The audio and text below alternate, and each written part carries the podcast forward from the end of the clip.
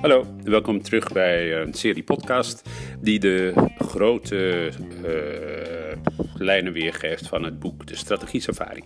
Deze podcast gaat over de planningsschool. Leun achterover en luister rustig verder.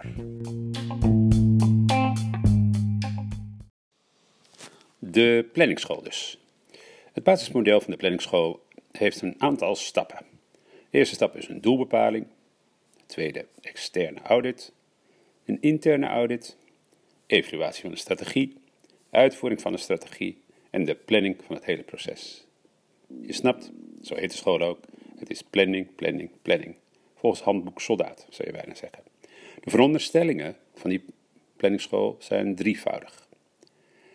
Eerst is dat strategie dient voor te komen uit een gecontroleerde, bewust uitgevoerd proces van formele planning. De tweede veronderstelling is dat ehm, ja, de topmanager, dus de hoogste in rang, is in principe verantwoordelijk voor het hele proces. Maar in de praktijk namen de bedrijven vaak daarvoor afdelingen aan en was de planningstaf verantwoordelijk voor de uitvoering.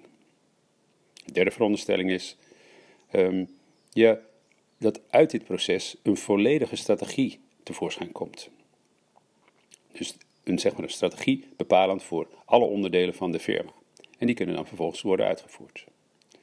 En nog wel wat misvattingen in die strategie, dus wat kritiekpunten. De eerste kritiekpunt is die van het determinisme. Daarmee bedoelen we, ja, het doet net alsof de omgeving voorspelbaar is en onder controle gebracht kan worden. En dat is ook noodzakelijk, want dan kan je daar ook een hele strikte planning op maken. Dus als je rails op de grond hebt liggen, dan is het heel voorspelbaar voor de trein hoe die daarop moet rijden. Maar ja, de wereld bestaat niet uit alleen maar rails, die heel erg duidelijk is. Een tweede kritiekpunt is de afstandelijkheid die erin zit. Opnieuw, net zoals in de vorige school, wordt het denken van het doen gescheiden. En ja, als je het denken overlaat aan mensen die misschien weinig op straat rondlopen en weinig luisteren met klanten, gaat deze richting ook erg verkeerd. Want die verzint dan dus iets en laat dan de uitvoering bij anderen. De derde misvatting of kritiekpunt is het formaliseren daarvan. Hier in deze school, namelijk de planningsschool, is de strategie als een planning opgevoerd eh, als ondersteuning in plaats van een hulpmiddel. En dus um, het is een, ja, zeg maar een eigenlijke strategievorming wordt heel planmatig gedaan als een soort van ja, Excel-sheetje waar je het in kan stoppen. In plaats van dat intuïtie wordt aange, ingezet. Of dat er openingen zijn voor allerlei verschillende invloeden. Nee, op één manier maken we strategie en dat plannen we en dat voeren we daarna uit.